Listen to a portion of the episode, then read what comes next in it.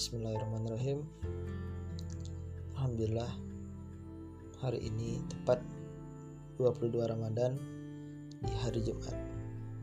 Nah pada kesempatan kali ini Saya ingin sedikit berbagi Mengenai Meniru amalan Nabi Ibrahim.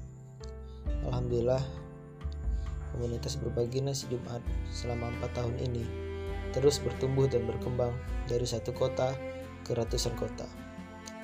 Dari melayani makan siang jamaah yang hanya di hari Jumat dan bermulai dari satu titik masjid menjadi ratusan masjid. Dari hanya di hari Jumat jadi beragam bentuk memberi makan. Sembako, pengobatan, santunan yatim, bedah rumah, berbagi beras untuk pondok, dan banyak macam jenisnya. Awalnya ini dalam rangka mencari amalan mudah agar kami bisa dapat tiket ke surganya Allah Ta'ala. Namun, perlahan kami belajar bahwa memberi makan orang lain adalah langkah dakwah yang sangat mendasar. Tidak hanya sekedar mengisi perutnya, memberi makan ternyata juga bisa membuat orang tersentuh hatinya. Dan rupanya ini bukan cara baru kawan.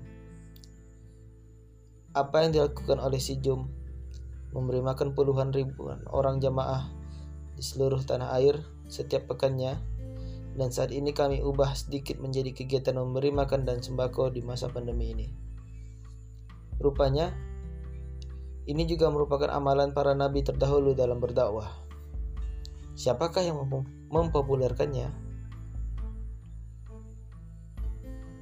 Rasulullah SAW menyatakan orang yang pertama kali memberi suguhan kepada tamu adalah Ibrahim.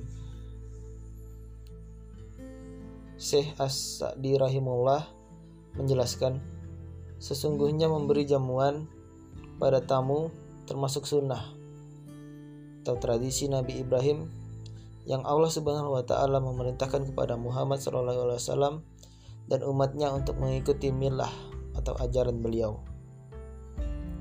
Kisah betapa Nabi Ibrahim alaihissalam begitu gemar memberi makan sampai Allah abadikan di surah Az-Zariyat ayat 24 sampai 27. Baca sendiri ya ini. Dan rupanya memang inilah salah satu metode dakwah Nabi Ibrahim alaihissalam dalam membumikan tauhid kepada Allah. Dan menyinggung bab ini, Dikisahkan dalam kitab Ar-Risatul Kusyariyah sudah menjadi berita yang masyur di kalangan orang-orang di zaman Nabi Ibrahim bahwa beliau adalah orang yang gemar dan senang memberi makan kepada orang lain.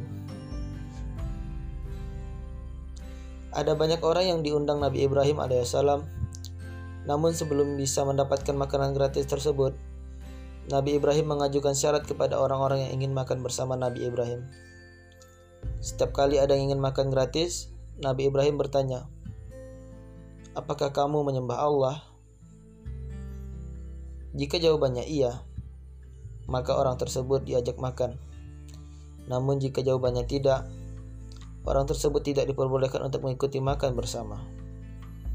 Hingga pernah suatu ketika ada seorang kafir majusi yang hendak datang meminta makan kepada Nabi Ibrahim. Lalu ditolak oleh Nabi Ibrahim sebab kekafirannya. Mengetahui hal tersebut, Allah kali ini menegur Nabi Ibrahim alaihissalam. Hai Ibrahim, kenapa engkau menolaknya memberi makan? Karena dia tidak menyembahmu ya Allah, jawab Nabi Ibrahim. Allah bertanya, "Berapa umur orang tadi?"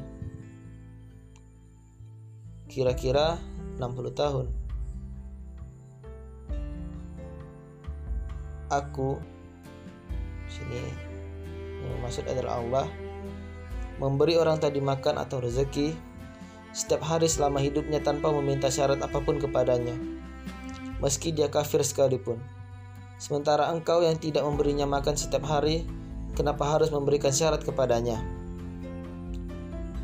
Dan Nabi Ibrahim pun menyesal dan meminta ampun kepada Allah. lalu bergegas memanggil majusi tadi. Orang itu pun heran dan lantas bertanya, "Mengapa aku dipanggil lagi? Bukankah aku tidak bisa makan bersamamu karena aku tidak menyembah Tuhanmu?" Maafkan saya, Tuhan. Saya melakukan kekhilafan. Tuhanku telah menegurku. Dan Nabi Ibrahim pun menceritakan bagaimana Allah menegurnya dan memberikan pelajaran. Mendengarkan cerita Nabi Ibrahim, sang majusi pun berkata, "Benar begitukah? Betapa baiknya Tuhanmu. Jika benar begitu, beritahu aku siapa Tuhanmu dan bagaimana cara menyembahnya dengan rendah hati." Nah, ini membuktikan bahwasannya dengan cara memberi makan, kita juga bisa meneguhkan hati seseorang. Doakan kawan, semoga si Jum juga bisa sebab menjadi sebab datanya hidayah bagi orang lain dan jadi wasilah keberkahan bagi semua yang ikut terlibat. Amin. Allahumma amin. Nah, buat kawan-kawan yang ingin tahu tentang si Jum, bisa cek di Instagramnya dan juga YouTube-nya. Oke, kalian search si Jum Pontianak. Mungkin itu saja yang bisa saya sampaikan. Kurang dan lebihnya mohon dimaafkan. Assalamualaikum warahmatullahi wabarakatuh.